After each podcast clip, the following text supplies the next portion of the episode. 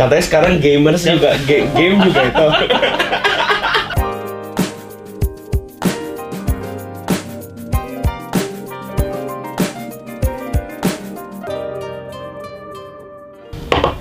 How's Urban? Kita lagi kolaborasi sama beberapa artis.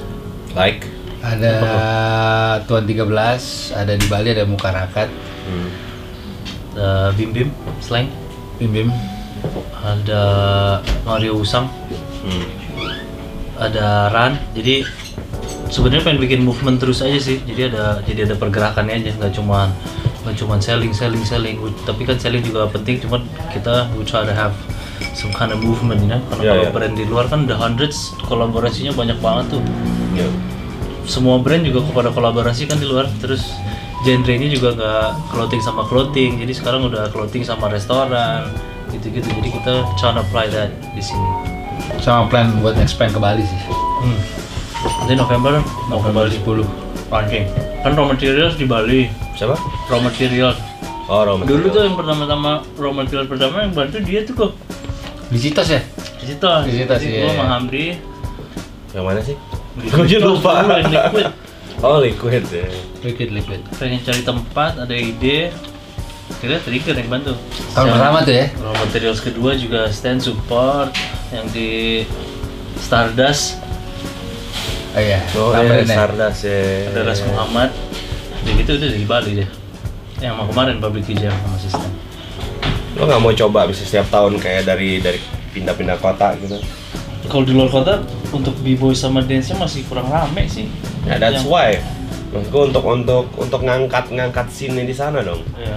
Ada ada ada satu acara yang keluar yang setiap tahun jalan itu acara si Hamdi, It Vision namanya. Oke. Jadi mereka emang invite, cuman kalau raw materials kan skalanya emang ada internasionalnya. Hmm. Jadi lebih gampang kan kalau mereka datang ke Bali ya jalan-jalan sendiri aja langsung Iya sih, panggil. iya, iya. Kalau untuk yang keluar kota, jalan-jalan lah ya. hmm, udah ada si Hamdizel. Yang jago siapa sekarang San? Wah banyak man. Anak muda sekarang banyak banyak. Tapi kalau DJ tuh eh, skillnya udah ngerata di Indonesia apa masih Jakarta? Udah ngerata di Indonesia. Lo ke sekarang ke daerah-daerah tuh udah udah udah banyak yang jago-jago. Tapi turntable, Turntable. Udah banyak kok yang jago-jago. tapi masih Jakarta. Mostly. Yang Mostly ya Bandung banyak men, jangan salah loh. Dari dulu Bandung sih banyak Selalu yang jago iya. Jakarta ya? Hmm. Berarti Bandung, Jakarta, Bali Oh, kali ya? Bali, Bali juga udah banyak jago-jago. beli si Gilang. Enggak. Bukan. Gilang, Gilang has a has a good has a good crew man. Penny, Yeah, Penny. the collectives they they have a good crowd. They have a good event going on out there. They're doing good stuff lah di Bali. Iya, iya. Tapi jago-jago banyak kok di Bali sekarang. Terus kemarin yang ke Malaysia jadi itu full documentary on the event that you threw di Cipinang atau gimana tuh ceritanya? Karena kan pas lo Yes. sempet di dalam Cipinang lo sempat bikin acara hip hop festival yang menurut gue juga ya sukses banget lah itu dapat support dari sampai rapper-rapper dari Joe Flizzo yang Malaysia terus DJ DJ sampai B-boys B-boys juga datang tuh kok Oke. anak-anak B-boys datang cuman gue lagi di Australia kemarin ya At event we did 10 years ago, uh, pas Sumpah Pemuda, we lost all the footages, Yeah. the videos, everything we lost it. And then uh, kita dapat berita dari Joe kalau uh, kameramennya dia found some footages, not some but a lot. Iya. So it's it's it's enough to make a documentary about it. So he was like, look, this is that what I wanted. Uh, I've been wanting to do it for past 10 years. Now Yeah. that I found the videos, let's do it gitu. Tapi pas lo kepikiran ide itu tuh awalnya gimana? Lo, lo minta Eh, awalnya tuh jadi tante lo nggak godoknya gue punya step-stepnya? gue punya tante tuh kerja di situ dia pembina musik. Terus pas mereka mau bikin event eh, buat sumpah pemuda gitu gue dipanggil sama dia dia bilang kayak gue tahu lo sering bikin event di luar gue mau lo bantu kita untuk bikin event ini. Terus gue cuma bilang oke if I if you want me to do this I'll, I want to do it my way. Bilang. karena gue tahu lo pasti mau bikinnya dangdut. Ya it's obvious you know Iya, when you iya. when you're in the prison pasti dengernya dangdut gitu jadi gue yang kayak ya udah I'll do it my way. And was like, oke um, you come up with a proposal ajuin dulu nanti baru kita ngomong ke kalapas lah. Gitu. Akhirnya gue bikin proposal sama Renald tuh gitu Um, kita ajuin ke tante gue tante gue ajuin ke kalapas. Of course people in there they were like really bener-bener they had no idea what hip hop is. They're Yeah. like, what is hip hop jadi gue harus kayak bikin presentasi and stuff kayak gitu-gitu kayak nunjukin musik hip hop itu seperti apa artis-artis hip hop di Indonesia yang terkenal tuh siapa aja gitu-gitu. Iya. musiknya harus gue pasangin gitu and, and still they were like kind of like clueless gitu. But um, gue ada dapat dukungan support dari uh, bapak-bapak yang di dalam situ yang yang saya pernah yang kena kasus korupsi lah. Hmm. even though they're in there tapi mereka masih punya bilang apa sih masih punya bukan hati. Mereka masih punya power untuk untuk untuk untuk ngomong ke ke ke yang atas atas lah gitu Oke.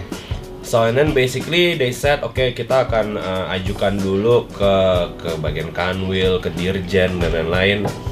Terus dari udah nyampe ke dirjen, dari dirjen ke menteri, menteri pertahanan ya waktu itu ya. Hmm. Dulu ya. Hukum dan HAM kali. Oh, hukum dan HAM, sorry ya, hukum dan HAM. Akhirnya udah masuk ke menteri hukum dan HAM. Mereka cuma bilang uh, as long it's safe and then as long kita nggak keluar budget apa-apa, it's all on you, then let's do it. So basically semua budget tuh dari kita kita, Oke. dari pihak penjara dari LP Cipinang sama sekali nggak keluar duit sepeser pun. So um, yeah, that's how we did it.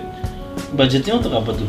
Budgetnya Dari- tuh mereka Makanan. minta mereka minta tuh of course harus ada tenda Ya. untuk untuk tamu-tamu dari dirjen untuk datang Hmm. Harus ada makanan minuman terus eh, of course kayak panggung sound Ya, system sound system.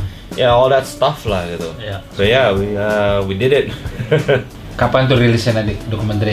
Uh, secepatnya sih ya the main thing is mereka mau jual ke Vice Vice Indonesia Presiden Indonesia. Ya, cuman gue nggak tahu. uh, recently I spoke to Vice. Vice bilang kalau mereka kayak gitu-gitu mereka they're interested tapi mereka mau ngerangkum Sendiri. sendiri kayak interviewnya sendiri caranya mereka ya I don't know how they wanna do it sih gue I just support aja lah. Ya.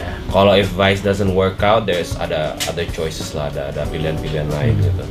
So let's see how it goes. Apa aja tuh elemennya ada apa aja? Ada, ada Eh, rap, b-boy, rapper b-boys graffiti writers shit, um, apa lagi ya?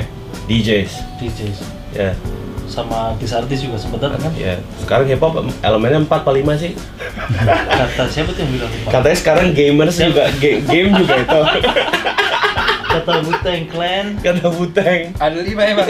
katanya ada 5 sekarang katanya main game itu is a part of hip hop katanya Karena si Wu-Tang tuh di apa? Di endorse ya? Apa ada kerjasama sama bikin konsol gitu kok? Oke. sama gaming company jadi ya mungkin dibayar Jadi dia ngomong ada. ya, ya seriesnya apa? Si Riza apa? Ghostface ya one of them lah. Dia bilang, gaming is fifth element of hip hop. Langsung gue post aja tuh di Facebook